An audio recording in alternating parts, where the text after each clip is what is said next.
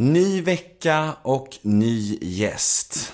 Ja, mina vänner, det är dags för Nemo möter en vän avsnitt nummer 221. Och den här veckan så har jag med mig Andreas Jonsson. Denna fantastiska artist som slog igenom med dunder och brak för 20 år sedan med världshitten Glorious. Och ända sedan dess har han haft flera underbara hits och han har varit med i Melodifestivalen och han har synts och hörts och turnerat världen över och ja, Andreas är ju en artist som alltid har funnits där helt enkelt. Och nu är han aktuell igen i och med Melodifestivalen. Han eh, går till start som tävlande nummer ett i helgens deltävling i Malmö. Så glöm inte att rösta på honom.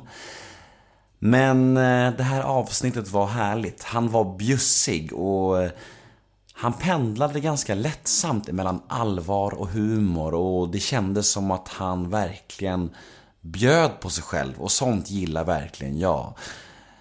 Det bjöds även på lite livemusik som ni kommer att få ta del av när Andreas berättar om hur han skrev sin världshit Glorious. Så det är väldigt, väldigt mysigt och jag hoppas ni kommer gilla det här lika mycket som jag gjorde för det var en fantastisk inspelning faktiskt. Jag heter Nemo Hedén på Instagram och ni får jättegärna följa mig där, då blir jag superglad. Och om ni har några frågor till mig om podden, om, ja, vad som helst egentligen. Ni kanske vill kolla när jag föreläser nästa gång, eller ni kanske har läst min bok och vill skicka en recension till mig. Skicka då mejlen till gmail.com och min hemsida är www.nemohedén.se och Ni får jättegärna gå in på Facebook också och gilla oss där. Då söker ni bara på Nemo möter en vän och trycker på gilla. Då blir jag superglad. Och podden är ju precis som vanligt presenterad av Radioplay och klipps av min fina vän och begåvade klippare Daniel Eggemannen Ekberg. Men, nog om mig. Nu ska jag sluta babbla och nu kör vi igång veckans Nemo möter en vän avsnitt nummer 221. Gäst Andreas Jonsson. Nemo är en kändis, den största som vi har. Nu ska han snacka med en kändis och göra honom glad. Yeah! Det är Nemo är en kändis, den största som vi har. Nu ska han snacka med en kändis och göra honom glad. Jag ska steka honom! Eh, men det blir bra. Eh, vi kör... Ja, men vi har ju varit, haft kontakt ett tag. Eh, Det har vi haft. Ja, men jag kände då när, vi, när du eh, liksom kom till mig där, jag hade, jag kände, jag hade inte så mycket att prata om. Och då visste jag inte ens om det här, att vi skulle göra Mello och att det här året skulle se ut som det kanske kommer se ut. Liksom. Så att, Då känner man så att eh, jag känner mig otroligt ointressant liksom, för tillfället. Men eh, nu kanske jag blir lite intressantare. Både för mig själv och för andra. Ja, men sen så kanske det också är en grej som kommer med ju längre tid man har varit i gamet, desto... Eh, alltså, desto mer, mer känner man nog att man vill göra intervjuer när man har något att snacka om liksom kanske. Jo men vad fan så är det ju liksom. Och jag har ju någonstans, jag har hållit på ett tag. Och jag känner liksom att jag har verkligen inget behov av att eh, bekräfta. Jag, må, jag behöver inte bekräfta mig själv hela tiden och jag behöver inte synas. Och känner jag att jag inte har någonting att, säga för tillfället rent eh, artistiskt eller eh, ja, vad nu jag vill göra liksom, eh, så jag känner mig fullkomligt ointressant för andra. Då går jag hellre in i min egen lilla grotta och gruva och sitter i studion och håller på med mitt. Och, eh, så att det- bekräftelsebehovet att hävda sig, det, det har försvunnit med åren. På ett rätt eh, härligt sätt, måste jag också säga. Och, det- och det kanske har med barn, givetvis, att göra. Och det har med lite andra insikter om att man eh, jag tillbringar ju otroligt mycket tid med familjen. Dels för att jag tycker väldigt mycket om dem, men för att vi har en, en sociala aktiviteter som i det här fallet är fotboll. Och där både jag och min fru är utbildade fotbollstränare och hänger med ungarna. Ja, men vi hade träning igår, jag har träning ikväll. Jag har, eh, nu åker jag ju bort då i helgen och ska göra lite Bingolotto och nästa vecka så är det Mello. Men sen är det ju, jag har ju fem träningar i veckan.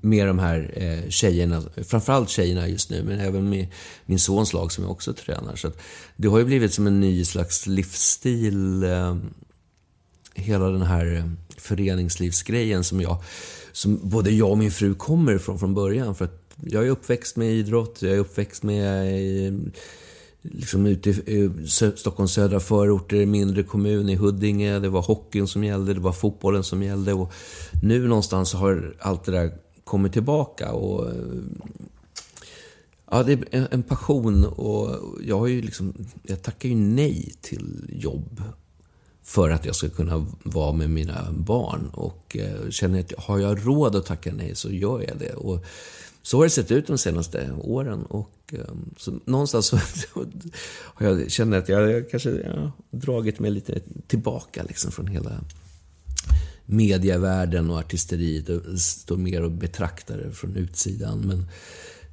det blir ju jävligt svårt att bara vara en betraktare nu om en och en halv vecka när man är inne i skiten igen. Liksom. Mm. Men vilken jävla lyx att kunna göra det, tänker jag.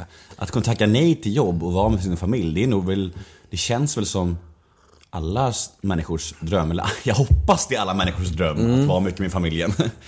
Jo, men vi, alltså, ja, det är en det är enorm lyx och på det sättet så har jag ju liksom, om jag tittar tillbaka på vad jag har gjort i min karriär, 20 år, 25, 30 år snart. Det är 20 år sedan vi släppte Glorious, det bara det känns ju helt stört på något sätt. Ehm, så, och den ekonomi, jag menar, fan, jag har ingen utbildning, jag hade ingenting. Jag kom från ingenstans. Jag, jag, jag slog igenom när jag var 27, 28 Eh, och hade ingenting annat att falla tillbaka på. Det enda jag hade var mitt pannben. Eh, och uppenbarligen någon slags talang för musik och skriva låtar.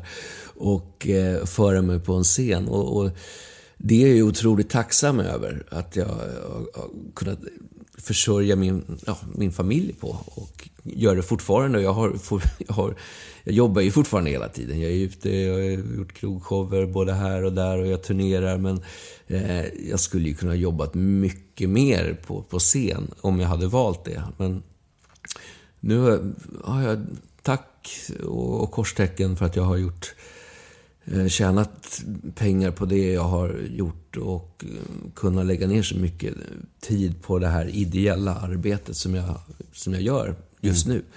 nu. Um, givetvis så måste jag ju in och föda nya grejer och nu kommer en melodifestival och med det kommer en massa andra saker. Och förhoppningsvis så har jag en låt där som kommer slå an till många människor. Men jag tror någonstans det började lite grann när eh, Lisa eh, min fru blev eh, sjuk 2011. 2012 där så hade vi ett rätt tufft år som vi gick igenom. Eller framförallt Lisa, väldigt ja, hela familjen. Vår lillkille var ju rätt liten då. Ella var väl... Ja, hon var ändå 5-6 år så att hon var ju hyfsat medveten vad, vad som hände. Men att efter det, när, och när Lisa blev frisk, så var det så här att ja, antingen så går vi sönder eller så, så blir vi starkare och vi eh, blev starkare. Och då blev också det här med det vi samlades kring familjen, att vi, vi ska göra allt, nu, nu, nu är det här och nu liksom. Och det, det låter jävligt klyschigt att man, för ja, vi vet hur livet rinner på men nu ska vi försöka vara så mycket som vi kan här och nu. Och, och då, då kom ju idrotten in och hela den här fotbollsgrejen. Så det har ju blivit vårt mission någonstans. Det är det som är vårt familjeshit. Eh, och det, jag hade aldrig trott, eller sett det komma, att det skulle bli på det sättet. Men det är också, det avdramatiserar en själv väldigt mycket. Eh, och jag tror att det är en väldigt sund, för mig känns det väldigt sunt. Eh, och jag tror att våra barn har med sig väldigt mycket från det vi gör nu. Och de kommer ha det framförallt när de tittar i backspegeln. Så shit vad, vad mycket vi fick hänga med morsan och farsan. Mm. Vad kommer ni säga om era barn helt plötsligt säger Nej, fan fotboll är inget kul. det kommer ju bli en enorm sorg. ja, nej, ja men gud, den tanken har ju slagit oss eh, både en och två gånger. Eh, och jag, jag, jag som fan, men det är ju inte bara att vi har eh, våra barn, utan vi har ju fått så mycket extra ungar. Vi har ju liksom, i min dotters lag så är det ju liksom 11 tjejer till och i min sons lag så är det 16 grabbar som jag liksom har lärt känna. Eh, och föräldrar då givetvis, men jag har ju haft som de var knattar. Liksom. Det är halva deras liv i, i båda lagen.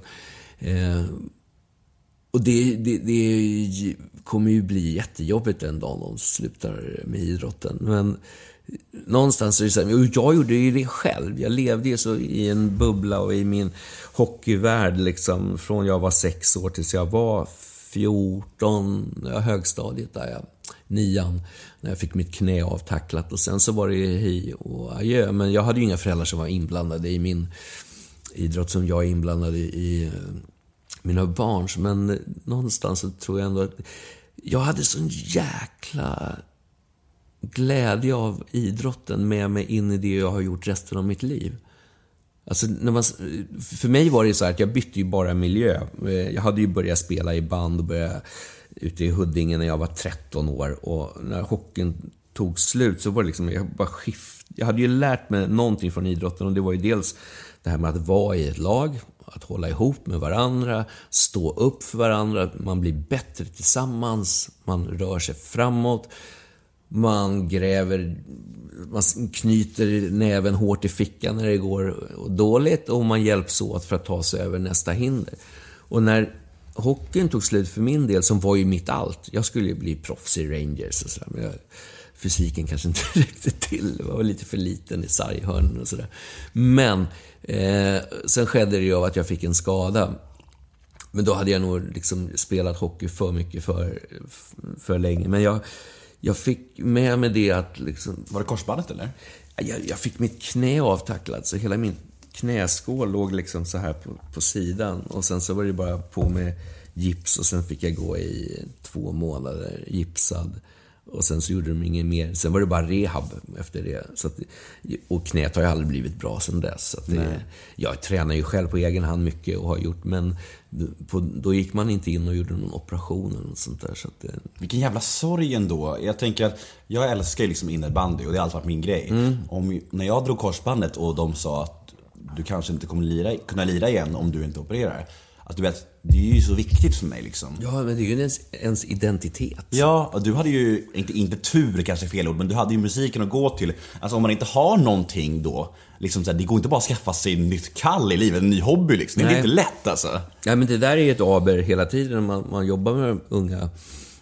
Man känner så här, inte bara liksom för om ens egna barn ska sluta, men vad, vad, vad vad händer sen? Liksom? Mm. Eh, för nu är det sån tight community. Och, och kid, min, min son, de är ju nio år. Liksom. De är ju så små, de kommer ju hålla på länge till. Och, men nu, min dotter, de är 13 och hon spelar i ett avancerat lite akademilag i Hammarby. Och det är, det är på allvar liksom. Och, och de, är på, de är ju i tonåren. Och, det, och man vet ju själv hur tonåren var. Liksom. Så, så att, vad, vad kan det här ersättas med sen? Liksom? Och för min del var det ju att jag hade musiken. Den stod där och väntade bara. Och då la jag ner all den tiden som jag hade lagt ner på, eh, på, på hockeyplanen liksom, och timmar och fem dagar i veckans träning. Det blev in i replokalen. Mm. Och då repade vi och vi repade och vi var ju så jävla dåliga. Vi var ju urkassa.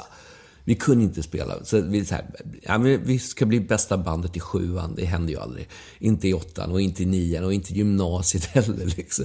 Men sen så var vi några killar som vi, vi stretade på, vi repade hemma i garaget på, på Dagstigen där jag växte upp i Huddinge. Och, uh, vi tog in några nya som var lite bättre än vad vi själva var. Och då blev vi lite bättre. Eh, och vi fortsatte och vi fortsatte. Vi fortsatte under hela gymnasietiden.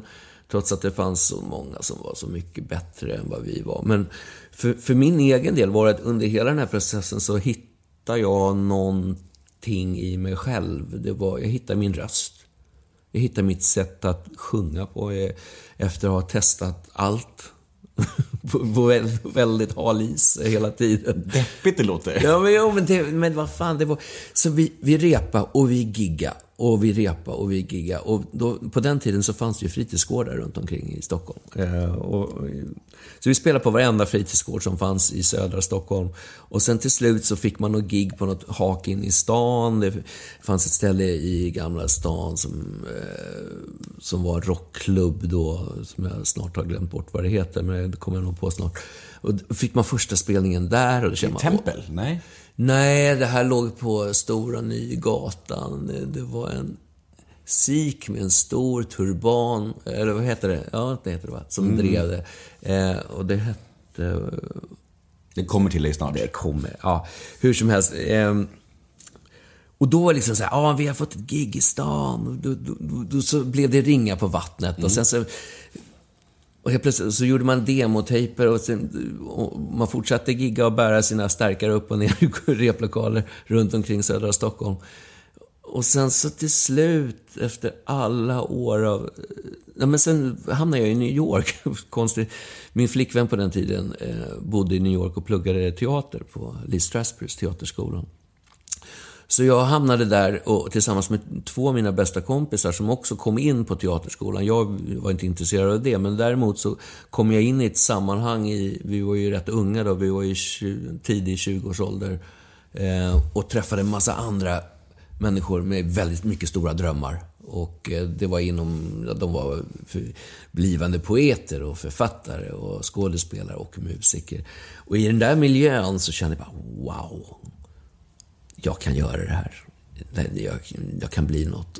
Och, och, kom, och komma till den stan när man är i den åldern och vara i den eh, communityn, eller vad man ska kalla det, det, det betyder enormt mycket. Och där och då skrev jag en massa låtar. Eh, och kom hem, och vi hade fortfarande kvar vårt band då, som hette Syndicate Rag, som, hette, som senare blev Planet Waves som jag, jag senare kom att eh, skivdebutera med. Så att vi fick skivkontrakt då 93, 94, 94 med, eh, med EMI på den tiden, eller EMI, här hemma i Stockholm. Och där började det. Och vi var då ett gäng killar som hade vuxit upp tillsammans i Huddinge, som typ alla var lite ratade av hockeylaget. Men vi, hade, vi hade liksom kämpat på. Eh, och idag när man tittar tillbaka på det så här, ett antal år senare. Eh, vad fan var det som drev en? Liksom? Hur naiv kunde man vara? För att, menar, vi, som jag sa, vi var ju rätt kassa från början. Men det, det fanns något driv i allt det här. Vad vi skulle bli. Men det här, liksom, jag var ju ändå 27 då. När, det här, när jag slog igenom ordentligt liksom med min första soloplatta. Eller, och 23, 24 när det första skivkontraktet kom. Så det, det var ju ändå rätt många år av bara na naiva drömmar. Men det, någonting drev en hela tiden. Och det, det var väl liksom någonting satt så här bakom axeln och bara, fan, det, du, du ska hitta, du har det, men du måste hitta det liksom. Och det, eh, i, idag kan jag tycka att det är, ja, wow. Det är lite som en, den här eh, D2 Mighty Ducks Disney-hockeyfilmen. Mm, Nej men det känns lite som det och det är en jättefin historia. Och det är ju, jag tycker det är fint för att det är, det säger ju bara att det krävs lika mycket driv som talang liksom. Och det är så många människor där ute som sitter, alltså jag har en vän som sjunger, han sjunger så bra. Han sjunger liksom, han sjunger alla av stolen liksom. Men han har inte liksom drivet och vill inte det så mycket. Och det är så här, det du berättar tyder ju bara på att det är lika viktigt med båda delarna. Det är, Ja, nej men det är ja, pannben liksom. Det är någonstans. Och, och det har jag med mig från sporten. Ja, och det är det jag hoppas kunna ge till eh, de tjejer och killar som, som jag har nu. För jag tror inte att mina eh, små adepter, och, mina, och framförallt inte mina barn, ska bli några nya Zlatans eller, eller eh, Seger eller vad de nu heter, alla de här idolerna de har. Liksom. Men att de ändå kan få med sig någonting därifrån. Sen om, de, om, yr, om idrotten blir deras yrke, ja, det, är då är det ju helt fantastiskt. Men jag tror att de får med sig mycket värderingar som är bra också. Liksom att man, man blir, tillsammans blir man starkare. Hur klyschigt det än låter liksom. Och,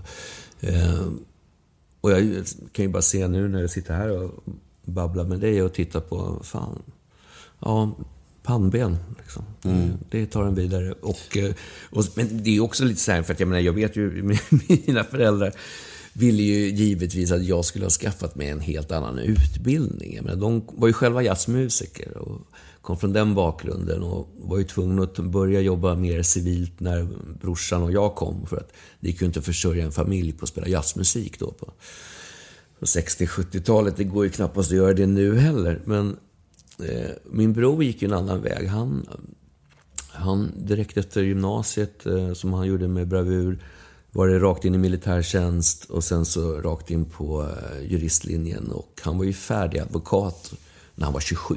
Då hade han suttit i ting redan i tre, fyra år i Örebro.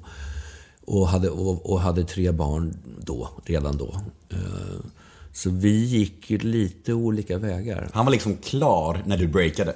Han var klar och jag, och jag flöt omkring liksom i Stockholms krogvärld som en 27-åring. Så jag hade ingen aning om, om vad som skulle, om, ja, om det skulle hända överhuvudtaget. Så att vi, vi har ju liksom haft lite olika resor och mamma och pappa var ju nog, eller framförallt, eh, kanske inte mamma, hon var ju väldigt supportive. Det har nog båda varit, men pappa var lite mer bekymrad kan jag säga över mitt vägval. Att jag skulle gå in på, på mm, musiken. I och, med att, och det är av rätt naturliga skäl. Jag menar, de har ju växt upp i det, de vet hur svårt det är att överleva och sett rätt många av sina bekanta som de spelar med liksom, gå under av alla de lockelser som finns i den här branschen med alkohol och, och droger och sådär. Så Det är väl klart att man kanske, när man ser det så, nej men det blir bättre att de blir akademiker. men, men jag hade någon sån där, jag ska fan visa dem att jag kan gå den här vägen liksom. Och eh, det drev nog mig också. Det här tonårsupproret. Eh, också att eh, i och med att jag kände liksom att de ville att jag skulle ta en annan väg. Men jag, jag hade någonstans, nej, jag ska fan visa dem där att jag kan fixa det här. Så att jag höll ju hela mitt musicerande väldigt mycket för mig själv. Även fast vi repade de första åren hemma i garaget. Men sen så hade vi andra replokaler. Och jag, jag vet att jag, jag spelade ju aldrig min musik för mamma och pappa. Och de visste ju knappt att jag hade lärt mig saker. Utan jag, jag är väldigt självlärd när det kommer till det musikaliska. Så jag tog aldrig riktigt någon hjälp av dem. Men det var nog mer också att jag, de, de ska få se en dag. Liksom. Så det, det är mycket som har drivit en framåt. Och, och när man tittar på sina kollegor och, och, och pratar med dem. Och rätt många som drivs av samma saker. Det, det här, nå- någonstans är det någon liten, liten människa som vill jag ska fan visa de där jävlarna en dag. Liksom. De som var taskiga på skolgården. Eller de som inte... Ja, men du vet, man fick alltid höra liksom, du kommer aldrig bli något. Eller du, du kan inte sjunga. Eller du kan inte göra det. Eller du är dålig på det och det där. Och där tog man ju som någon slags... Ja, vad säger man? Bränsle för att eh, ta sig vidare. Men så är det nog. Alltså, man behöver ju någon slags drivkraft och det är nog en väldigt klassisk drivkraft tror jag. Jag tänkte på en fråga angående det här med de här extra, eller bonusbarnen du har, kan man säga så? De här, Ja, det måste man nästan säga. ja, är de eh, skitimpade nu när du ska vara med i Mello? De, de här lite yngre grabbarna, liksom, de är ju... eh, De har nog ingen riktig koll. De är så, min son har ju koll då, för att han har ju varit med pappa. Liksom. Men han börjar förstå nu, nio år, att ja, men, Jaha, du håller på med... Pappa, vad gör du på dagen? men ja, han börjar fatta att liksom, det är musik som, som försörjer eh, honom. Liksom. Men eh, tjejerna är ju lite mer koll. De har ju varit med längre. De är ju ändå i 13 nu. Eh, och hela den här egentligen resan började ju lite... Alltså jag var inte inställd på Melodifestivalen förrän den här låten kom till i september. Och den kom till... Jag menar, vanligtvis så sitter man på sin egen kammare, eller här hemma där vi är nu, och sitter och håller, pular med någon låt och sådär. I det här fallet så fick jag en eh, demotejp skickad till mig som några andra hade börjat jobba på. Och intre- liksom, vad, vad tycker du om det här? Kan du jobba? Känner du, vad känner du för det här?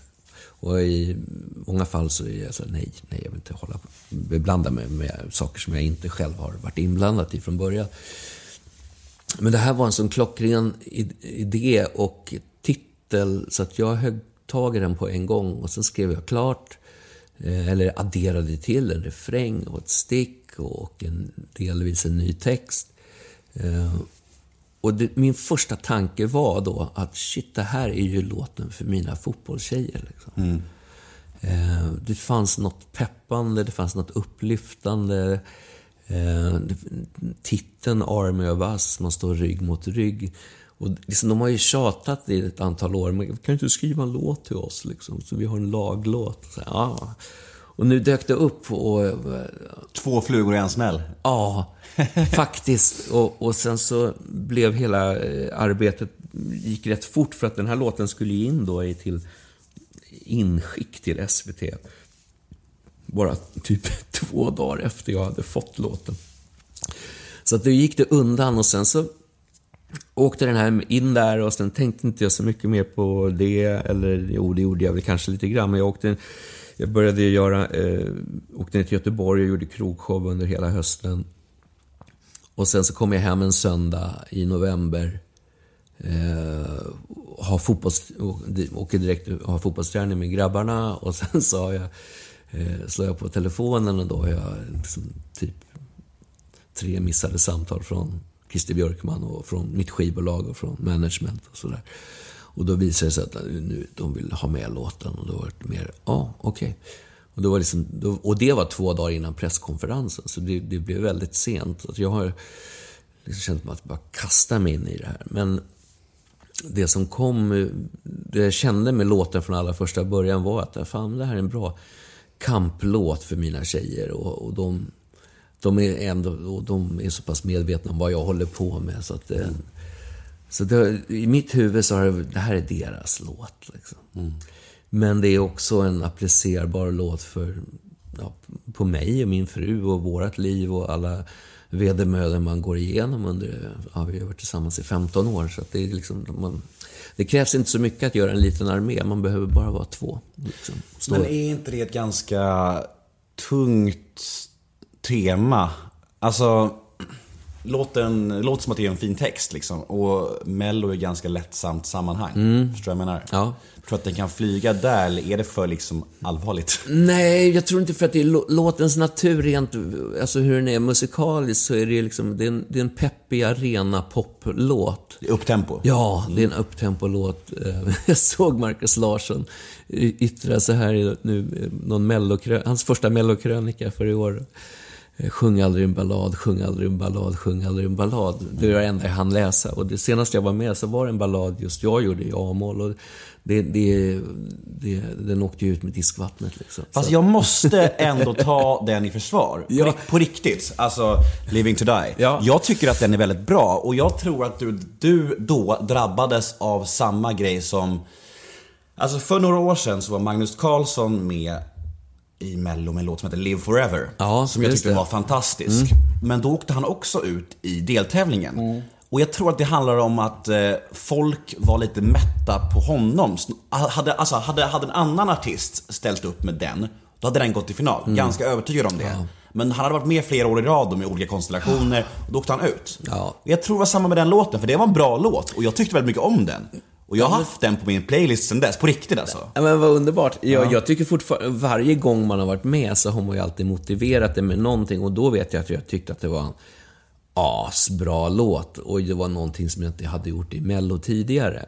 Eh, och den hade liksom, den var väldigt suggestiv och den, den, jag vet, den var väldigt personlig för mig. Eh, men det var ju precis som du säger, det i sin- kontext så blir saker, jag hade varit med rätt mycket. Jag var om det hände rätt mycket andra saker där. Appen hade precis lanserats, den hade slagit igenom.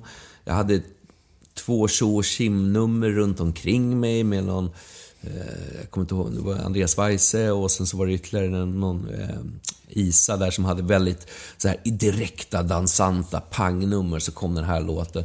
Eh, och jag, jag tänker just på den här Liv, eh, Magnus Carlsson-låten, som senare blev en jättehit Mm, eh, för Magnus. Liksom. Men som inte nådde finalen. Va? Superkonstigt tycker jag. Men då låg den också, då vet jag, det här var ju året, det var 2007 va? Mm. Ja, något sånt där. Ja. Eh, då, hade ju, då hade han, tror jag, både två stycken Idol eh, vi- eh, contenders i sin deltävling. Just det. Eh, Måns och Sebastian, tror jag det var. Som gick direkt till final. Liksom. Så att, om man tittar liksom hur det ser ut sådär så... Men sen har ju Magnus haft en eh, rätt stor glädje av den låten. Den fick ju en väldigt stor upprättelse. Living to Die kanske inte har fått samma. Av mig, här, nu i alla fall. Ja, men det räcker väl? Tack Nemo. Nej, men det- den, den eh, är... Hur som helst, så... eh, Om man, om man tittar till det jag ska göra nu så... Så är det ju... Ja, men, det, fanns två tjänster tror jag som kom liksom när... Eh, dels så var det så här, ah, shit, det här är en, en peppig låt för mina tjejer. Eh, två var ju också, ni- eh, vänta, det är 2019, vad fan. Det är 20 år sedan jag släppte Glorious. Alltså låten som ändå har varit liksom ankaret i hela min karriär. Som fått mig att resa över jorden och fått min musik att hända på alla möjliga ställen. Och vore det inte härligt att få kanske för min, för min egen del fira ett litet 20-årsjubileum genom att och komma med en ny låt och, och, och på en stor scen som Mello är. Och den här låten, till skillnad från kanske Sing for me a little bit of love som har ju ändå varit mina mest framgångsrika låtar i Mello. Så de har ju varit rätt flörtiga med vad jag har inspirerats av, 60 och 70-talsmusik. Medan eh, Army of Us är nog mer flörtig med, med Glorious som kanske som har hållit, som är någonting som inte har varit mello. Utan det, är- det är stort och det är lite vemodigt mm, men ta, våga ta för sig. Och det kände jag med Arm of Us. Så, det- Så de, det, det har den låten gemensamt med Glorious. Att den, den, den kan ta sig in i en stor arena. Mm. Och det ska den få göra på, ja, herregud, nästa lördag liksom. Mm. Men är det viktigt för dig hur det går? Nej. Nej. Nej, det är faktiskt inte ett dugg viktigt. Efter att ha varit...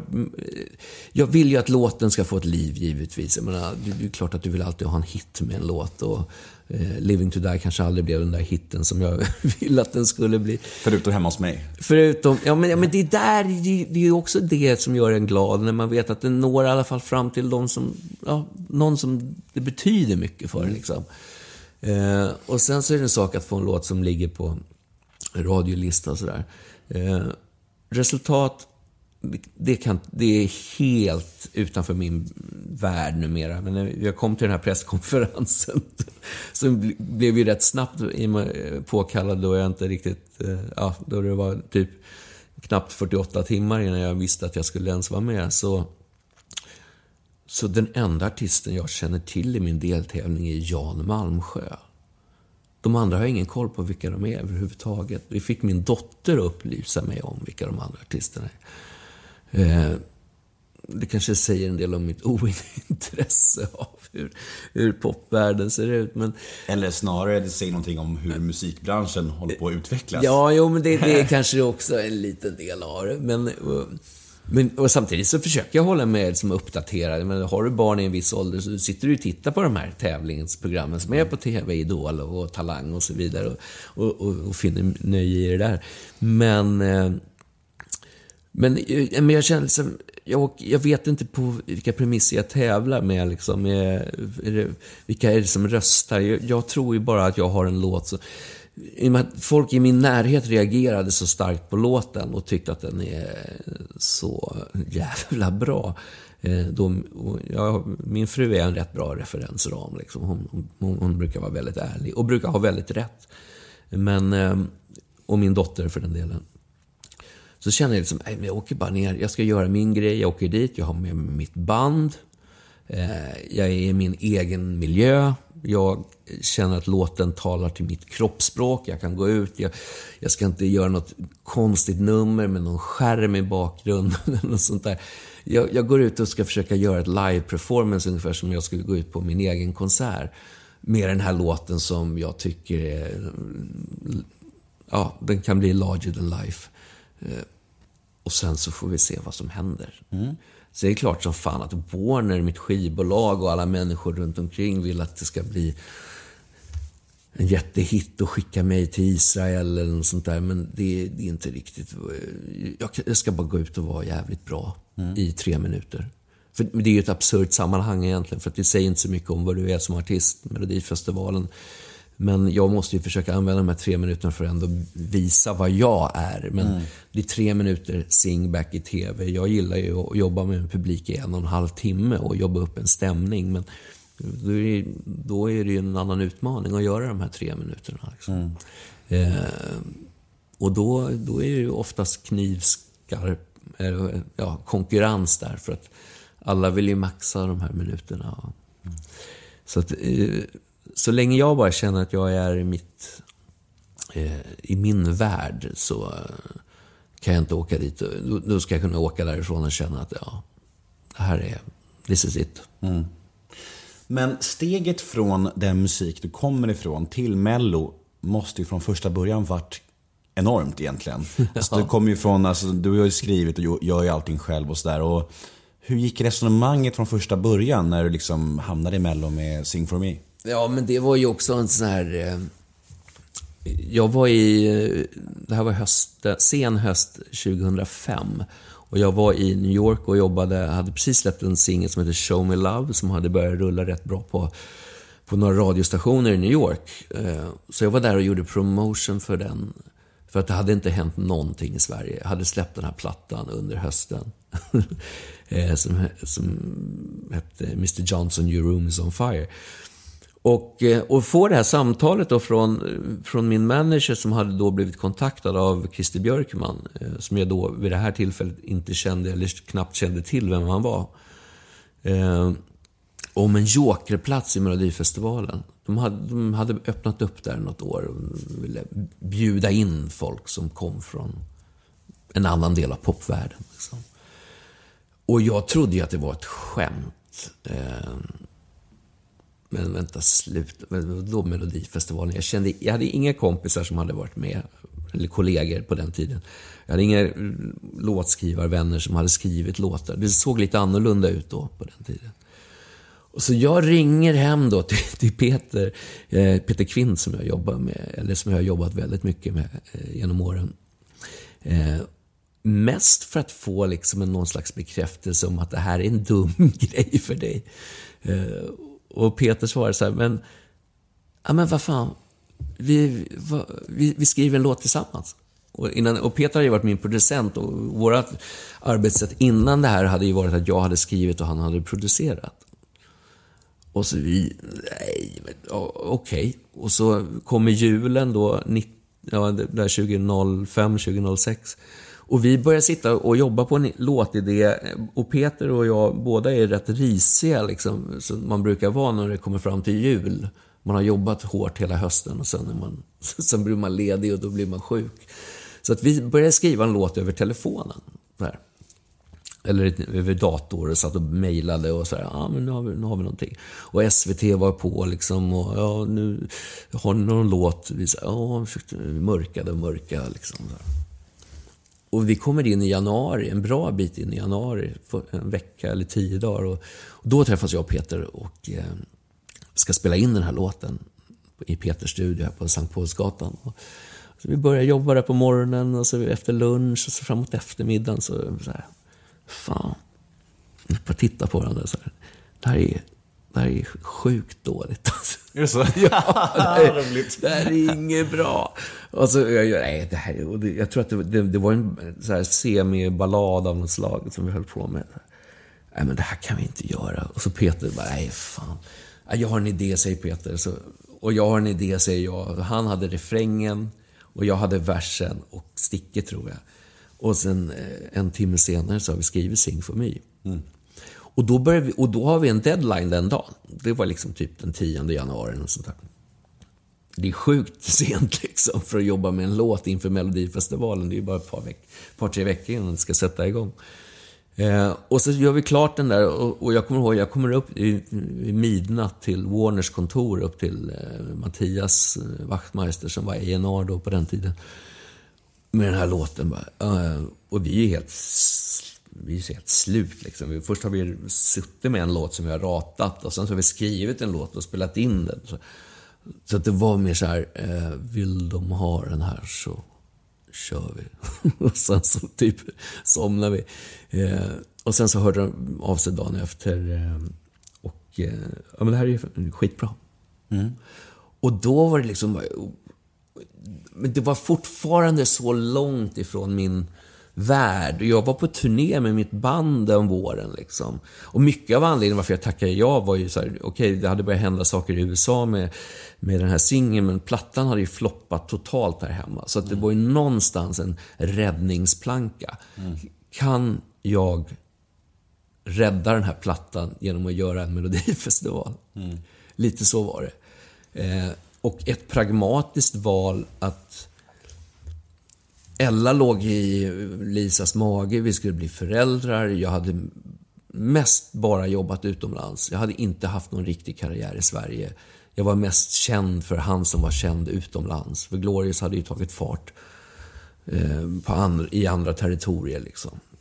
Så det fanns en viss pragmatik också. att Om vi gör det här och gör det här bra, det vill säga vi måste göra det med en bra låt. Liksom. Och nu blev ju Sing for Me väldigt fin popdänga. Liksom. Så finns det ju en chans att, till någon slags folklighet i det här. Eh, och det blev ju så. Ja, men verkligen. Och jag har faktiskt en fråga, en lyssnarfråga som rör just det här med eh, resan från vanlig, inom citationstecken, artist till melloartist. Ehm, Hej Andreas. Eh, Jag har ju alltid sett dig som en väldigt proffsig och duktig låtskrivare och artist. Och för varje gång du är med i Mello så blir du ju mer och mer Melloartist. Hur tänker du kring det? Har du någonsin reflekterat över det okreddiga med tävlingen eller din din egen resa? Ja, jo, men, det, ja, men det, det kan jag svara på. Alltså, då, eh, 2006, när jag klev in i det här, då tog det ju hus i helvete. Alltså inte bara hos fans, men också hos journalister. Nu kommer jag inte ihåg vad han heter, men det var någon på G, GP, tror jag, som skrev Har inte han nog med pengar efter Glorious för att slippa göra Melodifestivalen? Och det väckte ju återigen den där jäveln i en, liksom, jag ska fan visa dem. Liksom, att, eh, vad fan, jag vill bara skriva bra låtar och nå ut till många människor. Eh, och, och där och då, med, med det, i den sekunden, så, så diskade jag nog bort hela den här grejen. Men, nej, men ska jag gå in och göra Melodifestivalen så måste jag göra det till 100% och jag måste göra det som mig själv. Jag vet om det okreddiga i det. Och jag gick själv igenom det stålbadet det året. Men jag kom ut på andra sidan som, som melloartist. Men jag fick åka rocktåget, jag blev sommarpratare i radio, jag fick en, eh, tillgång till eh, en folklighet i Sverige som jag kanske inte riktigt hade sökt och längtat efter, men som jag, när jag väl fick den, kände att fan vad skönt det här var. Man kan bli lillbabs på andra sätt liksom. Eh, och jag vet med mig vad jag står för. Jag vet hur bra jag kan vara på en scen och hantera en publik i slott eller i koja. Eh, sen är det som jag sa till dig, Mello är en absurd tre minuters historia. Eh, men jag vet vad jag kan göra på en vanlig scen. Och, och, och sen har det blivit ett antal medverkan och det och varenda gång man har ställt upp så har man ju alltid haft någon slags jävla bra anledning. Nu är det en skitbra låt, nu är det en asbra ballad, nu är det Living to Die, nu är det, nu är det arena rock. Men jag har liksom, med åldern också, är så här, jag skiter i det mesta. Jag vet vem jag är och vad jag gör och varför jag är här. Eh, det är klart, jag kan titta på liksom andra kollegor till mig själv som jag har känt länge med Håkan och med Lasse Winnerbäck och sådär. Som har ju liksom helt andra karriärer och kanske en helt annan kreddighet i... Så här, ja, eller Kentarna för den delen, som vi skivdebuterade samtidigt och vi turnerade ihop rätt mycket när det begav sig från början. Men vi väljer alla våra olika vägar och för mig blev det att eh, ja, Melodifestivalen blev ett fönster som jag kunde öppna och jag tycker att jag har gjort det rätt mycket på mitt eget sätt. Ja, sen så är det, är det ju ganska jobbigt att anse sig för fin för olika sammanhang. Då går man ju miste om ganska mycket också. Så att liksom, så jag tycker det är ju helt rätt. Eh, Det, Ja. ver- verkar ju jävligt kul, om inte annat. Ja, men, ja, men det är självklart liksom så... Eh, dubierna fanns ju där väldigt mycket då när jag väl gav mig in i det. Men när jag insett vad det har gett mig och, och eh, publikt så, så kan jag liksom inte eh, sätta ner foten och tycka att det där är lite skit. Say hello to a new era of mental health care. Cerebral is here to help you achieve your mental wellness goals with professional therapy and medication management support. 100% online. You'll experience the all new Cerebral Way, an innovative approach to mental wellness designed around you. You'll get a personalized treatment plan from a therapist, prescriber, or both in a safe and judgment free space.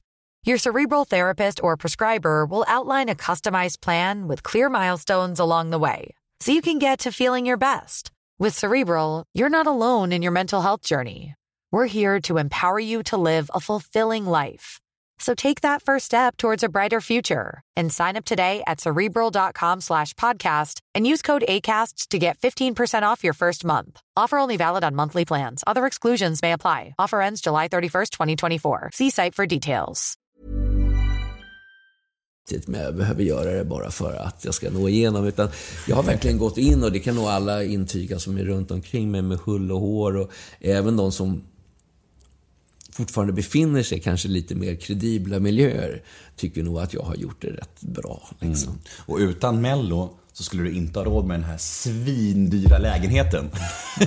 nej, nej, vi, Vi, har... si- vi sitter här alltså mitt på Mariatorget i en enorm lägenhet. Ja, den är stor. Den är stor. Fantastiskt. Alltså jag är så här, jag tänkte på det när jag klev in här. Alltså, hade jag fått önska ett boende i hela Stockholm så hade det typ varit det här. Och Då har jag ändå varit i liksom otroliga lägenheter. Nej, det, vi har det bra. Vi har, alltså, tack, inte bara tack vare Mello, men kanske väldigt mycket tack vare Glorious. Och, och det, Vi kommer till det. Ja, så har det väl det... eh, Nej, men vi har haft det bra. Det, det är ju hyresrätt vi bor i. Eh, Och eh, det är nog väldigt mycket turen av att både jag och min fru, när vi träffades, hade en, två små, väldigt små hyresrätter i Stockholms innerstad. Som vi har lyckats eh, förvalta, att vi har kunnat byta upp oss i den här världen. För att skulle den här vara en bostadsrätt som vi skulle köpt, då eh, hade jag inte haft mycket pengar kvar. Nej, då hade du blivit tvungen att skriva 12 Glorious till. Ja, nu räcker det med att jag gör en melodifestival vartannat år så blir det helt okej. Nej. Härligt sagt. Ja, eller hur?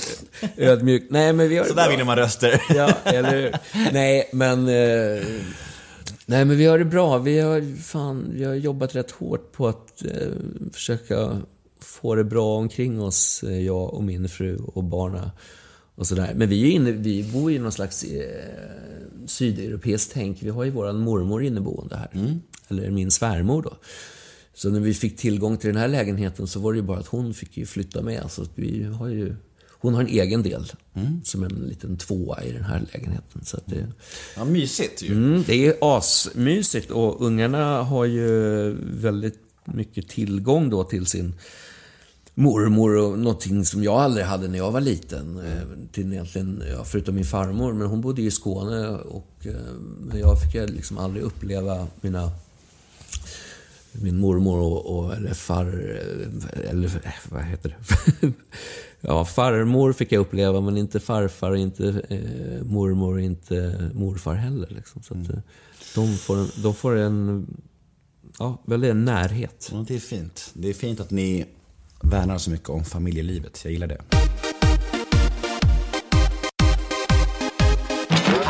Ska vi snacka lite om Glorious? För att ehm, det är ju svårt att skippa det när man träffar dig. Ja. Mm, så är det ju. Ehm, det är ju en av de bästa låtarna som har skrivits i Sverige någonsin får man väl säga och den har ju gått väldigt bra. Men jag är så nyfiken på din relation till den låten och hur, eh, hur gick skapandet av den till? Kan vi börja med att fråga. Ja, det är ju också sådär hur allting bara... Om jag, om jag hade... när jag skrev den låten, för att den, den skrevs... Eh, jag bodde i Högdalen i en liten lägenhet och var helt nyseparerad då från min eh, flickvän som jag var på väg att gifta mig med vid tillfället. Eh, och var rätt eh, trasig. Eh, men jag hade inga tvättmöjligheter, så att en gång i månaden, eller två gånger i månaden kanske det var, så tog jag min gamla hockeybag och fyllde med kläder och åkte ner till mamma och pappa, till huset, till mitt barndomshem i Huddinge. Eh, och tvättade. Och eh, då hade jag alltid med mig gitarren och sen så satt jag där i tvättstugan medan de här eh, tvättmaskinen rullar på, till ljudet av det, då känner man att man stör ingen. För det är ofta som man sitter hemma med gitarr så känner man att någon jävel sitter och lyssnar någonstans. Man vill vara man vill inte störa någon. Eller att någon ska höra det man håller på med. För ofta så är det ju, låter ju 90% av grejerna rätt illa när man sitter och håller på och skriver någonting. Eh, så där skrevs den. Eh, och eh, jag kommer ihåg så väl, jag satt med, ja, oh, nu har gitarren där i bakgrunden. Jag går och hämtar den bara. Mm. Kör. Runt på... Ja, nu har ju ungarna stämt om den här då. Mm. Take your time. Roligt. Ska vi se. Oj då. Jag tänkte ju faktiskt be dig spela lite Glorious här, men så gör du det självmant. Det är fantastiskt. Vilken lyx. Ja, eller hur? Mm. Det blir, här blir mer magiskt än när Martin Stenmark sjöng Sju mila kliv. Nej, men jag, jag, saken var ju så här, jag kommer ihåg bara att jag satt med temat som var ju då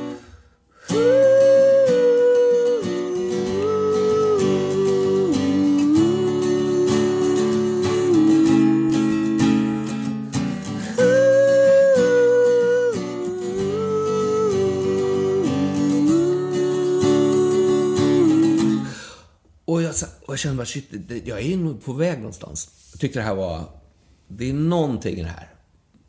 Det är någonting filmiskt. Jag, jag, jag vet att jag ville skriva någon... Jag kom från en period när jag hade, jag hade gjort min första soloplatta som heter Cotton Fish Tales som var rätt akustisk och sparsmakad, väldigt countryinfluerad. Så det här var någon slags reaktion på att jag ville göra något som var stort och tog för sig. Alltså, jag tänkte så här, alltid retar det någon. Liksom. Alltid kommer det reta Marcus Larsson eller Håkan Sten. Eller någon sån där recensent som inte tyckte om en.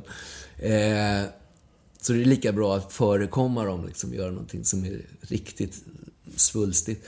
Eh, men när jag satt med liksom, hela den biten så var det så här, och snurrade de här ackorden liksom, till ljudet av eh, tvättmaskinen. Så var det bara så här, fan, jag vet, nästa jävla ackord jag tar kommer ju betyda allt för låten. Så att jag vågade, jag bara snurrade runt på...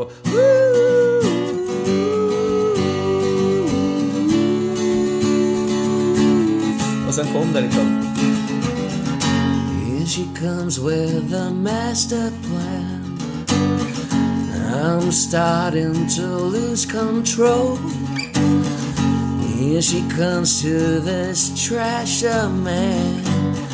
And I'm ready to taste it all when she...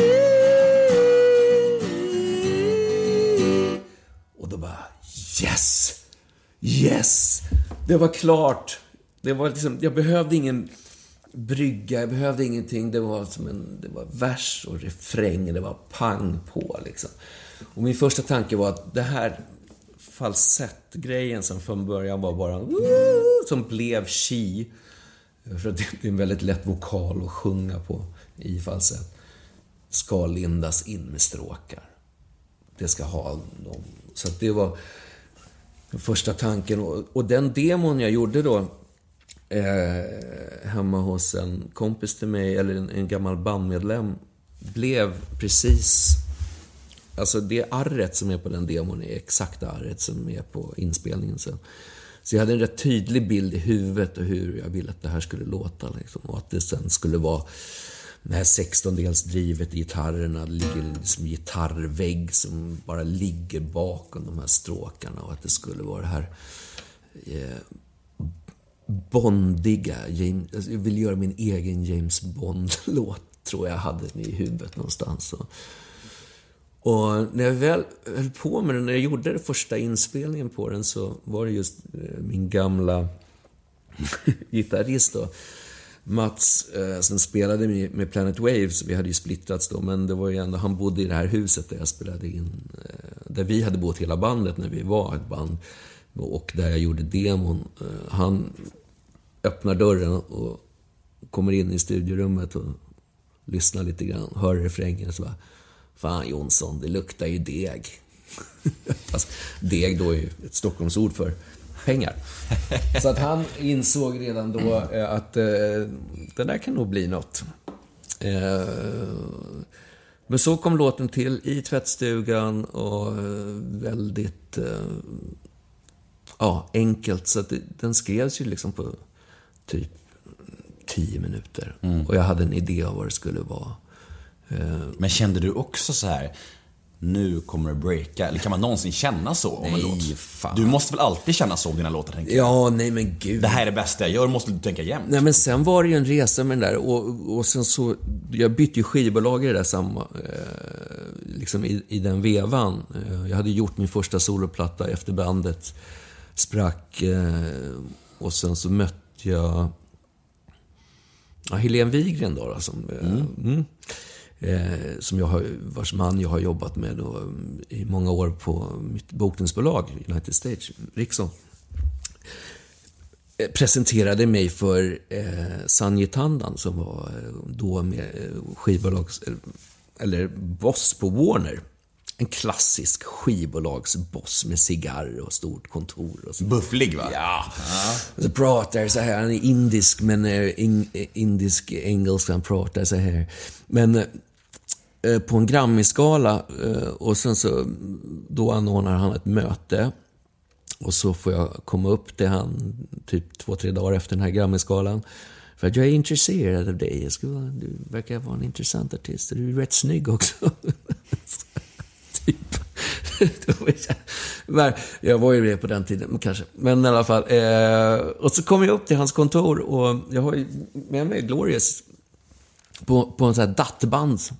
Den här demon jag hade gjort. Eh, och eh, jag hade skrivit ett par låtar till Games We Play som också var en stor eh, singel på den skivan. Sen. Och kommer upp till hans kontor på eh, Eriksbergsgatan där de satt på den tiden. Jättekontor. Och då sitter han där och jag eh, kommer lite skakig med mitt eh, dattband och ska spela upp det för honom. Och så. Och så funkar det inte, datorbandet, för det är inte kompatibelt med hans senaste Dattbandsuppdatering. Så att, men det ligger en, en, en svindyr Hagström-gitarr i ett case på hans kontor. Och, så, och jag får lite panik. Så, fan, är, är det din gitarr? Ja, fan, jag köpte den. Den kostar 80 000. Jag spelar inte själv. Kan jag låna den? Så, ja, jo, det- så fick jag låna den och precis som jag sitter här så plockade jag upp gitarren och sen så spelar jag Glorious för honom och Games We Played tror jag, båda låtarna. Och då sa han, eh, ja det är bra, det är fantastiskt, du får göra slut med EMI för att eh, jag vill ha dig. Och så fick jag det skivkontraktet då. Tack, eh, ja, med Glorious igen då, fast ungefär som det lät i tvättstugan, eller som det lät här nyss. Så att, eh, eh, vad pratade vi om? Nej men bara själva låten och hur den kom till och sen reaktionerna. Ja, Vä- ja, Vändes men- allt upp och ner på en natt då, eller hur? Nej, men då, då var det ju liksom så här, ja, okej, vi hade ju en låt som kändes, ja men det här kan ju bli något. Och jag spelade upp den för lite andra människor jag kände som satt på lite andra skivbolag och alla tyckte, ja men fan, det här, det här är bra. Det, det är lite James Bondigt och det är så här, mm. Men inte fan hade jag en aning vad det skulle bli av det. Utan vi åkte iväg, vi spelade in den här skivan, vi spelade in hela albumet nere på en studio nere i, eh, i Trosa skärgård, på Rummarö. Eh, och sen så var det bara bak... Det var egentligen bara bas och trummor och lite keys vi spelade in och gitarrer. Och sen så åkte jag och Peter ner till, eh, till Belgien eh, i tre veckor och var där nere och mixade och spelade in det sista. Och då jobbade vi med en kille som heter Zed som hade gjort Kents... Eh, in, in, jo, men han gjorde sen vapen och ammunition, men Hagnesta Hill och, och, och framförallt Isola-plattan liksom hade han väl gjort. Och vi tyckte ändå att det fanns någonting i hans sound som vi gillade. Så vi Jobbade med honom på den plattan. Och så kommer vi hem och har spelat in alltihopa. Och, och Glorious har ändå tagit sig ut som att ja, men vi ska släppa det här som första singel. Och, eh, och och jag var så jävla... Det, det, är någonting som inte stämmer. Liksom, med den här mixen. Jag gillar inte mixen. Det hade blivit väldigt mycket mer gitarr. Stråkarna hade blivit väldigt underordnade. Och Warner hade redan släppt den på någon sån här presentationsplatta. Och jag bara kände, vad fan, det här är inget bra liksom. Det här, det här är inte låten. Och då lyckas jag i den här mixen hitta, det, det ligger ju rätt mycket så här 16-dels eh, underdelningar. Och vi hade haft en sampling. Och jag hör efter typ 1.30 så går den här ur synk. Och det blir min liksom räddningsplanka på något sätt. Men Peter, lyssna för fan. Hör inte att den här, det funkar inte. Men alla bara, nej men vi kör, vi släpper. Och sen till slut så hörde Peter det, jag hörde, okej, okay, ja, men det här är inget bra. Warner bara, men vad fan, vi har inte, ska vi mixa? Den här plattan har kostat redan jävligt mycket pengar att göra. För de trodde ju på det liksom. Men då fick jag till att vi fick mixa om den. Som vi gjorde här på Söder på Cosmos Studio. Eh, och då, eh, tillsammans med Simon Norberg, som jag har jobbat rätt mycket med. Och då, då kom hela intro till. Det fanns inte. Det, fann, det var bara så här, daga, daga, daga, daga, da, shaga. Och sen så var mm. låten igång. Då byggde vi upp introt, stråkarna kom upp, samplingen kom rätt. Eh, då blev det den slutgiltiga versionen. Liksom. Annars hade den där låten aldrig blivit det den blev. Men det var också så här, fan det här är inte rätt. Mm. Och jag stod på mig och, och till slut så fick jag med mig alla andra. Men så kom låten eh, och den släpptes i april eh, 99. Snart två år sedan, eller 20 år sedan. Eh, och det hände inte ett skit. Jag kommer ihåg, och det här, det här vet jag att Anders fortfarande säger att han inte har skrivit, men vi fick någon skön sågning av Nunstedt på, eller på Expressen. Jag kommer inte ihåg exakt vad han skrev, och vi åkte på någon turné den våren, eh, någonting som heter ZTV Rockar, som vi snabbt döpte om till ZTV Rockar Inte. Mm det var jag, Anna Stadling, var, hade precis släppt någon soloplatta och sen så var det ett eh, indieband från Lund som hette Third Dimension och det kom ju inte en jävla pers på våran turné där. Så vi halkar omkring där under våren på det här och det händer inget med låten. Det enda som håller uppe låten är liksom studentradion typ. Där rullar det på. Och till viss del P3. Och det får jag ju reda på senare, varför med Peter, Men jag kommer till det. Och så kommer sommaren och, och vi ska släppa det här albumet i augusti. Eh, och låten har inte hänt. Och skivbolaget börjar planera att släppa en ny singel. Men återigen, Helen då, som jag jobbar med, jobbade ju radiopromo på den här tiden på Warner. Bestämt sig, nej fan, det här, vi kan inte, det här är för bra för att inte hända. Liksom. Så hon, hon fortsätter och alla fortsätter att försöka jobba. Sommaren kommer, det börjar kännas lite dött. Eh, så kommer det här Sommartoppen. Här, du vet det gamla mm. programmet, det här med mentometerknappar. Mm. Man får rösta så här. Och jag är hemma, jag har varit ute hos mamma och pappas hus och haft någon fest kvällen innan för de var bortresta. Och så jag går dagen efter och städar liksom. Och så hör jag Sommartoppen på radion. Vad fan, oh, de ska testa Glorious. Åh oh, jävlar. Och så spelas den och sen kommer den in sådär på någon sjunde, åttonde plats. Men det är i alla fall en notering. Och dagen efter cyklar jag ner till OK-macken där i Stuvsta liksom och köper kvällstidningen. För på den tiden så fanns, hade de med sommartoppslistan. Så hemma så klipper ut den för att det är i alla fall någonting, i alla fall ett resultat. Och då och sen efter det, och det här var ju då mitt juli, början på augusti, sen började någonting hända organiskt. För vi hade ju gjort en video till låten i början på sommaren. Och den börjar helt plötsligt få lite uppmärksamhet. Och sen så går den in på så här, radiolistan i etta i Holland. Helt plötsligt börjar den snurra på utan att vi trycker på. Och i Ryssland. Och helt plötsligt får videon uppmärksamhet och vi har ett showcase i Stockholm där hela Warner kommer över, alltså alla kontoren i, i Europa som vi gör på Gröna Lundsteatern. Och då där och då så bestämmer sig de för att det här ska bli en prioritet. Det här är för bra. Så då börjar det hända saker, dels inom skivbolaget, men framför allt att MTV helt plötsligt, det här är bra liksom. Då börjar det rulla på, på MTV och då var det inte uppdelat sådär i nordiskt, eh, ja nu finns väl inte knappt MTV kvar, men då var det, fick du in den där, då var det, då var det hela Europa. Mm. Och då, den hösten då, i augusti, september, oktober, då börjar det smälla till. Eh, och vi får, vi åker på någon, den, den, hösten, vintern åker vi på någon liten klubbturné vet jag i Sverige, Finland. Vi är bara vi i bandet plus eh, ljudtekniker slash eh, chaufför slash turnéledare. Vi är bara sex stycken. Och så får vi en cranberry-slott att vi ska åka förband till Cranberry. Så ena dagen så är vi i Imatra i Karelen, liksom två mil från ryska gränsen. Och nästa dag så spelar vi på Ahoy i Rotterdam för 12 000. Och sen tillbaka till Vasa och sen tillbaka ner till München för till någon...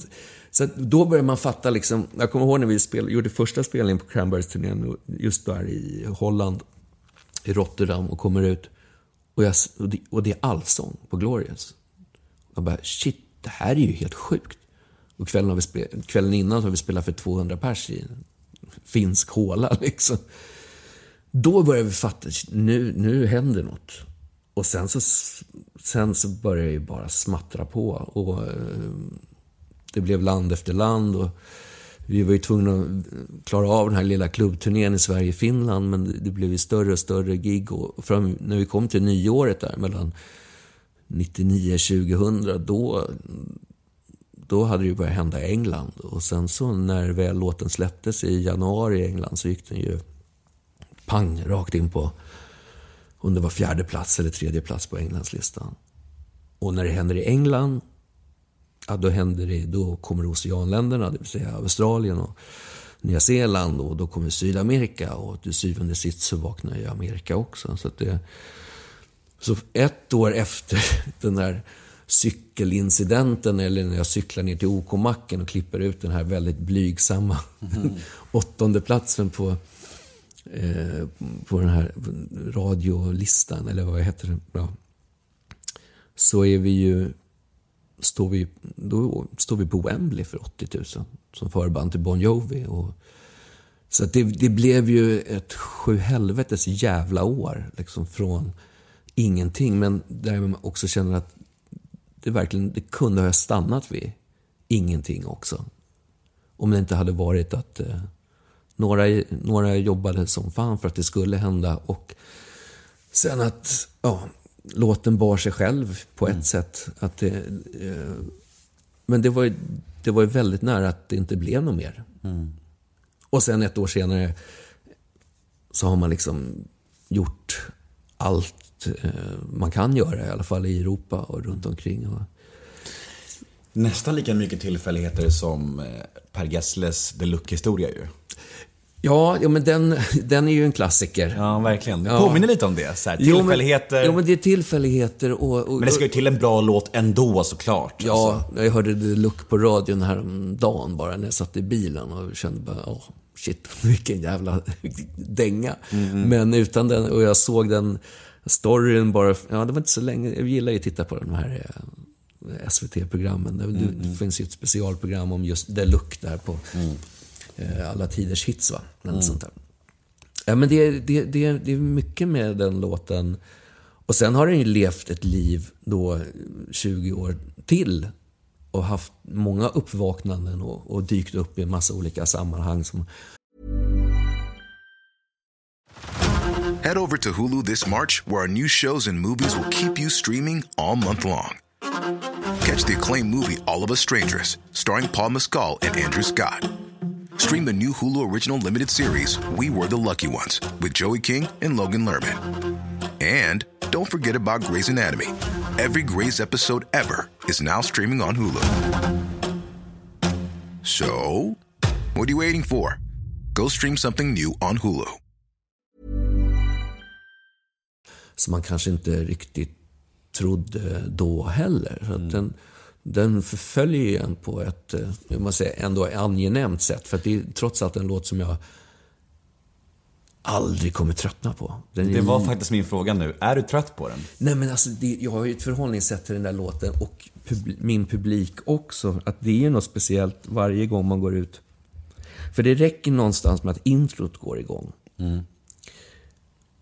Och så vet publiken vad som komma skall och jag vet vad som komma skall. Det, liksom, det finns en överenskommelse om att nu är det, nu är det glorious. Det låter lite konstigt men då är det liksom, det här, det, det finns någonting i den här låten. Jag känner mig jävligt stark när jag går ut med den. Och, och jag vet att det finns förväntningar hos en publik också när den, när den travar igång. Men det, och jag har gjort den i så många sammanhang, på så många ställen runt om i världen att den har ju gett mig allt.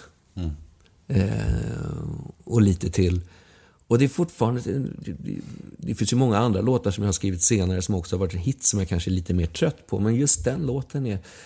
Det är kanske för att den har fått så många avsnitt på något sätt i mitt liv. Eh, och det, det från början hade det varit en, en, en skitlåt från början som... ah, Men den håller fortfarande. Det, det finns en tidslöshet över den där. Men har man gjort en sån monsterhit, blir det inte lätt så att man försöker göra låtar som är likadana då? Sen? Jo, men det är ju ett aber att leva upp till en sån låt. Och det blev ju väldigt påtagligt när vi skulle göra uppföljaren. Liksom. För att vi, eh, vi turnerade ju enormt mycket på hela den här Liebling-plattan då. Eh, från 99 till 2001. Och jag skrev ju, vi skrev ju under, och spelade in under turné en ny platta. Eh, det som blev Deadly Happy, som jag fortfarande håller som en jävligt bra skiva. Men den hade ju inte den ankarlåten. Liksom. Men som album så är det en jättebra skiva. Men, eh, och jag, när vi väl släppte den, och där stod vi inför ett momentum. Vi, det hade ju börjat rulla på i USA rätt bra också. Dels på radion. Och sen hade vi haft en, eh, en remix på Glorious som gick, jag tror att den landade på åttonde plats på Billboarden och sånt där. Och jag hade mitt management i Los Angeles och det var så här, ja, antingen flyttar ni hit och, och fortsätter jobba Glorious eller så, ja, men det var liksom alternativet. Kom hit, bosätter, gör allting om igen. Och då hade jag spelat in en ny platta och jag kände, men vad gud. Vi har ju en ny skiva. Jag är så trött på det där. Så då gick vi vidare och släppte den plattan i Europa. Och, och dels var det väl att jag hade, första singeln hade ju kommit med i någon tysk stor film. Så att vi tyckte liksom att, ja men vad fan, det är nu kör vi på med en ny platta. Mm.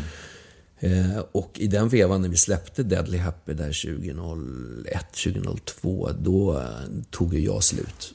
Jag gick ju fullständigt in i väggen. Jag hade ju kört på alldeles för hårt, alldeles för länge. Eh, Eh, och och det, ut, det utmynnade sig att jag, jag fick panikångest. Liksom, och jag såg inte det komma. Så var, var det, jag såg inte, fattade inte vad symptomen var från början. Men till slut så gjorde det ju, gick det ju inte att jobba vidare för min egen del. Jag slutade fungera. Så att, eh, det blev ju en, en dubbel krasch där. För att den plattan kunde ju inte jämföra sig med det vi hade gjort innan. Plus att jag hade... Jag kunde inte heller stå på en scen längre. Liksom. Kanske var lika bra då att du inte körde USA-svängen fullt ut. Om Nej, den, om den det- skulle gå sönder liksom. Nej, men det där kan man ju liksom... Så här, det finns ju många what if i livet liksom. Men i det här fallet så var... Tillfälligheter åt båda håll liksom. Ja, vad hade hänt om vi hade kört i USA? Hur hade din karriär sett ut? Bla, bla, bla. Men som jag var då så hade jag ju hade inte suttit och pratat med dig nu. Tror jag. Utan jag är rätt nöjd med att, att, jag, att det blev Melodifestival och en annan väg i, i livet. För att jag, jag tror att den resan hade gått rätt snabbt ut för liksom. Jag är rädd för. Du, vi ska köra lite snabbfrågor nu. Är du med? Yes. Rött eller blått? Eh, rött. Vilken svensk kändis är du mest trött på att läsa om i media? Oj, eh, jag läser ju sällan. Eh, vad ska jag säga? Eh, ja, Carola då. Vad är det onödigaste du har köpt? Åh, eh, men jag har köpt någon svindyr Dolce Gabbana-skjorta som jag kostade hur mycket som helst som jag aldrig använt. När grät du senast? Det var så jävla ful. eh, jag gråter ofta. Det var nog senast igår. När skrek du senast rakt ut i ren ilska? Eh, mm, ja, det var nog i helgen. Vilken sida hos dig själv har du svårast för? Min eh, högra. Din vad? högra sida. Högra sidan. Är det den- är den pengakåta sidan? Nej, nej, men, nej, men jag tänkte mer så här eh, fotomässigt. Aha, jag Alltid en menar. bra och en negativ sida. Jag tror du menar politiskt. Jaha, nej, nej, utan det här är nog den högra. Men den... Eh, Vad har du för relation till alkohol? ehm, jag, ty, jag tycker det är kul med vin. Men det låter som att du har levt ganska hårt tidigare. Ja, det, men det har jag nog gjort. Eh, och, och det har nog funnits en hel del eh, självmedicinering i hela den där biten. Men jag har trots allt jag har alltid haft ett väldigt stort intresse av att hålla igång min kropp och träna. Och, och, eh, och det har- kommer ju då givetvis från min uppväxt. Och det var nog det som höll mig, alltså när vi turnerade som allra mest. Då var det inte jag som hade, alltså, jag jobbade ju som ett galärslav från morgon till kväll. Det var ju mest eh, jobbigt för mitt band som satt och väntade på allting. Och sådär. På den tiden så hade jag inte tid att eh, varken dricka eller hålla på med andra saker. Utan då, det var sånt fokus. Utan jag skötte mig rätt eh, exemplariskt, tränade väldigt mycket på egen hand. På hotellrum och sådär för att hålla mig igång. Så att, eh, det har nog varit de här perioderna som har varit emellan allting. När, när man inte är igång och man försöker uppleva kickar. Ja, när- när det börjar tystna lite grann och så vill man fortfarande vara så här adrenalin. Och, och då var det nog under en period där det var väldigt mycket krogen och eh, excesser på det sättet. Men nu, det är, ju- nu pratar vi ju, nu backar vi bandet 20 år nästan. Liksom. Mm. Jag har ett segment som heter ett ord om. Det går ut på att jag säger eh, ett gäng svenska kändisar som brukar skapa reaktioner. Och du ska säga det första ordet som kommer i ditt huvud när du hör namnet. Är du med? Oj, ja. Ett ord om Alex Schulman. Elak. Marcus Birro. Bespottad. Zlatan. Ego. Alexander Bard. Rolig. Sara Larsson. Fantastisk. Jimmy Åkesson. Nej. Leif GW Persson. Älskar han. Bra svarat. Eh, Och avslutningsvis så ska vi damma av några lyssnarmail. Ja. Eh, några av de här mailen har vi nog berört, men vi provar att dra dem ändå liksom. Så får vi se. Nummer ett. Hej Andreas, har Glorious gjort dig ekonomiskt oberoende? Ehm, ja, men, ja, jo, men delvis. Absolut. Min fru är väldigt tacksam över Glorious. Det har betalat för, för hennes eh, Gucci-väskor och så. Nej, nej, men själv, jag måste ju ut och jobba. Men den har gjort mig ekonomiskt oberoende på grund av att jag kan, i och med att jag fortfarande använder den så frekvent så känns det som att jag kan jobba med den resten av min karriär. Ja. Mail nummer två. Hej Andreas, jag läste någonstans om att din fru har varit väldigt sjuk. Kan du inte berätta lite om det? Er relation verkar vara så stark, solid och fin tycker jag. Vi snackade lite om det tidigare. Eh, Ja, vad mer kan man säga om det? Nej, men vi gick igenom en... eh, Eller ja, vi, man gör ju det som familj. Lisa blev eh, väldigt dålig eh, 2011 på sensommaren. Där. Vad hände? Ja, men vi, hade, vi gifte oss den sommaren, så det var ju en stor glädje eh, hemma i Järvsö då, eh, 2011. Och sen så var vi i Frankrike, där vi brukade vara på somrarna, eh, när svärmor hade huset där nere. Och så var vi ute och sprang en morgon och eh, hon kände att det liksom klickade till i, i, i huvudet. Och eh, det här är inget bra. Så vi gick till doktorn. Och då sa de, den franska läkaren, att ja, det är ingen hjärnblödning för då skulle du inte stå här. Eh, och sen så kommer vi hem. Och innan hon ens hinner gå till doktor här hemma i Stockholm så kommer jag hem från studion en dag då ligger hon typ på badrumsgolvet i, i, i väldiga buksmärtor. Och, och det, här, och det här är ju inget bra, så det blev ju ambulans till SÖS. Och då låg hon inne i tre veckor för någonting de inte riktigt hittade i magen. Och så, plus att hon hade den här grejen med, med huvudet där, som hon kände att det här är inget bra, det är någonting. Och under den här perioden så började hennes ena öga svullna upp lite grann. Så här Marty Feldman, du vet den gamla skådespelaren som hade såna här utåtstående ögon. Och så att, och ehm, så hon kommer hem från sjukhuset eh, efter två, tre veckor och de har inte riktigt kunnat identifiera vad det är med, med i buken. Men då har liksom det här ögat blivit så stort och vi går till läkare efter läkare och till slut så är det någon som säger att det där kan vara en, en fistel, det vill säga att det är en blödning fast som blöder ut, in, utåt, inte inåt. Och så då får vi träffa eh, en, eh, då, eller då hamnar vi på eh, Karolinska, på, uppe där på, eh, vad heter det, hjärnavdelningen liksom. Och då konstaterar de att det är en fistel, så då, då får hon, blir hon akut opererad. Eh, och då går de in, ja, som man gör, via, ja, i, nere i, via magen upp i huvudet liksom. Eller man går in, ja, ljumsken går man in. Eh, och då täpper de till den här blödningen då med någon, vad heter det, Alumi, eller inte aluminium, men ja, någon metallgrej. Så. Och, då, då, och bara det är ju en jävla operation liksom. Och vetskap att någon ska in och härja i ditt huvud. Eh, och jag, den hösten jobbar jag sen, vi gör krogshow på Hamburger Börs. Niklas Strömstedt, Petra Mede, Pernilla Andersson och jag. Så det, det är mycket, jag håller igång där och, och ungarna ska ha sitt och Lisa blir sjukare och sjukare. Och sen så kommer liksom, vi går igenom, jag, och sen åker jag på turné. Eh, och Lisa och barnen är med rätt mycket, men Lisa är inte bra. Liksom. Och sen strax innan jul, då smäller det till igen i buken. Då kommer jag också hem och hon ligger på soffan och är helt i bara akuta buksmärtor. Och då är det rakt upp till SÖS och då är det en, en sprucken tjocktarm. Vilket är ett väldigt akut tillstånd. För att då, det leder ju till blodförgiftning givetvis. Så då ligger hon på IVA då i ja, hela jul och nyårshelgen där i två veckor och är ju rätt illa däran.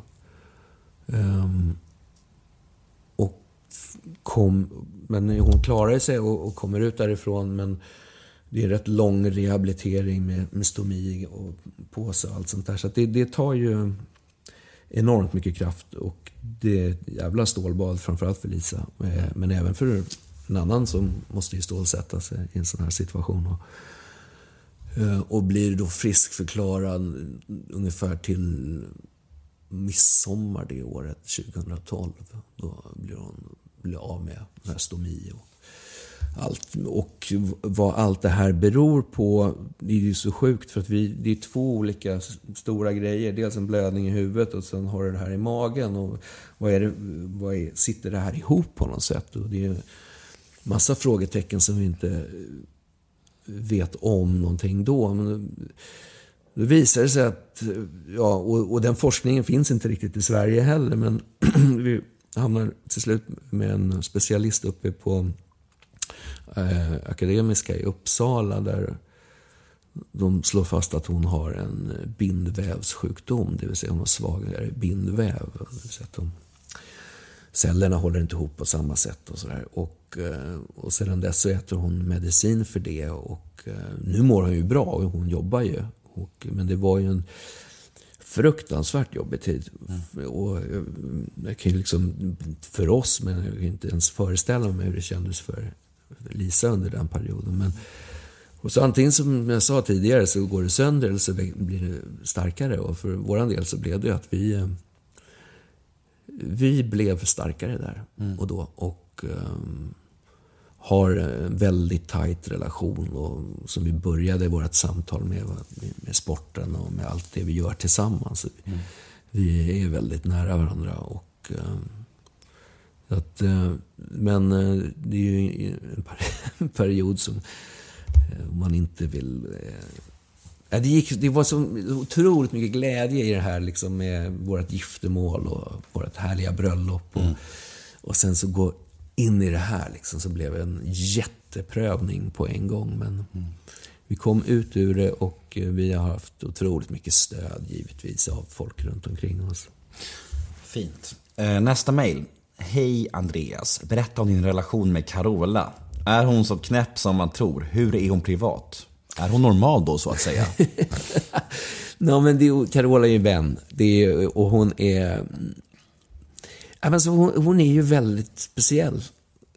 På alla sätt och vis. Jag, menar, det finns, jag, jag har ingen av mina artistkollegor som verkligen kan ta över ett rum på det sättet som hon kan. Och det, det här är ju verkligen bara positivt. Alltså som artist. Hon eh, har ju en enorm karisma och enorm utstrålning.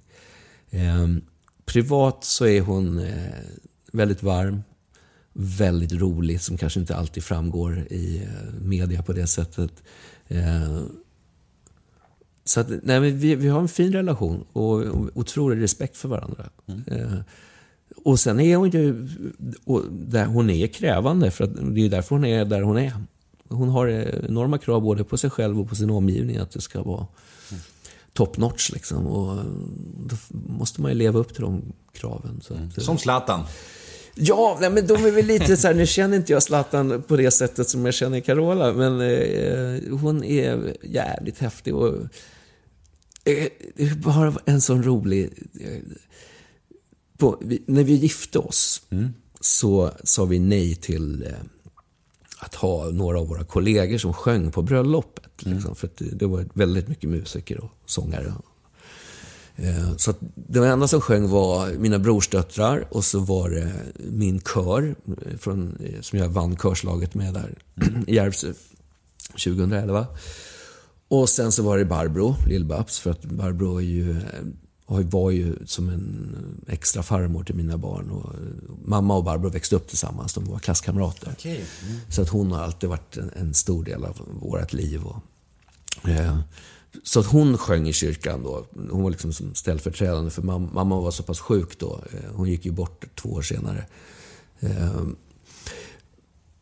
men sen på festen så var det ju fritt fram för folk att, att sjunga och spela. Och vi hade ett band som satt på scenen hela kvällen. Liksom. Och många hade liksom sagt till, ja jag vill göra det här och jag ska göra det här. Och så vi visste. Men en som inte hade annonserat att hon skulle sjunga var, var Carola. så, men, och så kände jag, så gick Sarah upp och sjöng, eh, Sarah Dawn Finer, jag tror hon sjöng Kärleksvisan. Och jag sa till Lisa direkt, nu kommer det fan inte ta mer än fem minuter så lovar jag att Carola kommer. Och mycket riktigt, sen drog hon igång ett, ett Elvis-medley från Ja, som jag vet inte hur länge det pågick. Hon fick både Martin Stenmark och Hanna och, och var bakgrundssångare och, och for runt på alla bord där uppe. Det säger lite om Carola. Helt fantastiskt Ja, ju. nej, men det var magiskt. Och, hon, och jag kände bara att, för, hon har också den här, så här Konkurrens. ska Sarah upp, då ska jag också upp. Så det var bara small till. Men på ett väldigt härligt sätt. Liksom. Så att, eh, och hon tog över showen totalt där. Som hon ska göra. Underbar historia ju. Eh, nästa mail. Andreas, du har ju en väldigt fin låtskatt med många starka hits. Känns som klippt och skuren för Så mycket bättre. Har du fått frågan? Om så, varför sa du nej? Och om du skulle få den, skulle du säga ja? Eh, jag har fått frågan, eh, första två åren. Då spelade de in programmet i augusti. Och de åren så gjorde jag Ladies Night tillsammans med just Martin. Och eh, vi låg i produktionsrep då, så då var det omöjligt att göra. Sen tror jag att de sköt rätt brett de första två åren, att de frågade nog en jävla massa artister. Liksom. Eh, så då tackade jag nej och det var ju verkligen inte på grund av programmets eh, format, utan jag, jag tror nog att jag såg att det där kan nog bli en, en framgång, eller som en hit som program. Eh, men sen dess har jag inte fått frågan. Men om jag skulle få frågan, ja, men det är väl klart, det finns ju en del att prata om och det finns ju en hel del låtar. Liksom, som. Mm. Och jag har ju sett eh, några av mina kollegor göra det där programmet och gjort det jävligt bra. Och eh, jag förstår framgången med det. Och det belyser artisters karriärer, vad de har gjort. Och plockar upp kanske en hel del av och, eh, oss lite äldre artister som de yngre kanske inte har fullständigt koll på. Men som kanske är värt att göra. Vi är rätt dåliga i Sverige på att ta hand om egentligen av våra artister överlag. Om man jämför med hur det ser ut i Frankrike det räcker att komma till Danmark. Alltså att, eh, att uppmärksamma ja, det som har funnits och det som finns. Liksom. Och det är allt från skådespelare till, eh, ja, till sångare och så vidare. Så att, då har Så mycket bättre gjort ett rätt bra jobb. Jag menar, hur, Så- många, hur många vet vilka, vilka Hasse och Tage är idag av kidsen liksom? Ja, men precis. Eh, Så TV4, om ni hör det här, ring Andreas. Han är up for granted igen. Ja, det är och, eh, sjusiffrigt belopp då Ja, verkligen. Ja. verkligen. Eh, Det finns en lägenhet som kostar. du, vi börjar bli klara. Ja. Hur känns det här? ja, men det känns bra. Mm. Det känns som att jag har bara suttit och gafflat på här. Jag vet inte hur länge vi har suttit, men rätt länge. Länge har vi suttit och det har varit supertrevligt. Och eh, nu till helgen, ja jag säger nu till helgen för det här sänds på måndagen innan ditt, eh, din mello. Så eh, nu åker du till Malmö. Yes. Ja, fan rösta på Andreas nu. Ja, nej men det ska bli Malmö. Jag är ju bördig där nerifrån. Bjärred va? Ja. Och växte upp mina första fyra år där i Bjärred. Då måste ju du vara kompis med Patrik Andersson. Ja, vi har ju träffats senare. Ja. För han är ju 71 va? Och du är 71. 70, ja, exakt. Nej, men vi, vi träffades faktiskt inte för alls så länge sedan. Mycket trevlig karl eh, och, och framförallt en fotbollsikon. Eh, nej, men, nej, men det ska bli kul. Hem till Malmö. Jag var faktiskt med och invigde den där arenan för eh, drygt tio år sedan. Eh, så jag blev rätt glad när det just blev Malmö och jag går ut som startnummer ett. Första bidraget i år alltså. Ja, så att det blir... eh, Oh. Nej, men det känns bra. Och med låten, det, det kommer kännas bra. Men det är ju fortfarande hiskligt eh, jobbigt. Hela den där... Det, det är inget, inte så att man har blivit eh, Luttrad. ja, luttrad på något sätt. Men det är ju fortfarande samma jävla nervositet. Och, och, och jag, jag vet ju av att ha stått där några gånger att... eh, Så här, hur fan börjar låten? Vad är första textraden? Vad fan är första textraden?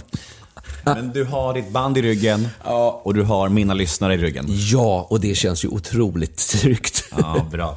Du, eh, stort tack för att du ville vara med här. Ja, men du, tack vännen. Hej då. Ciao.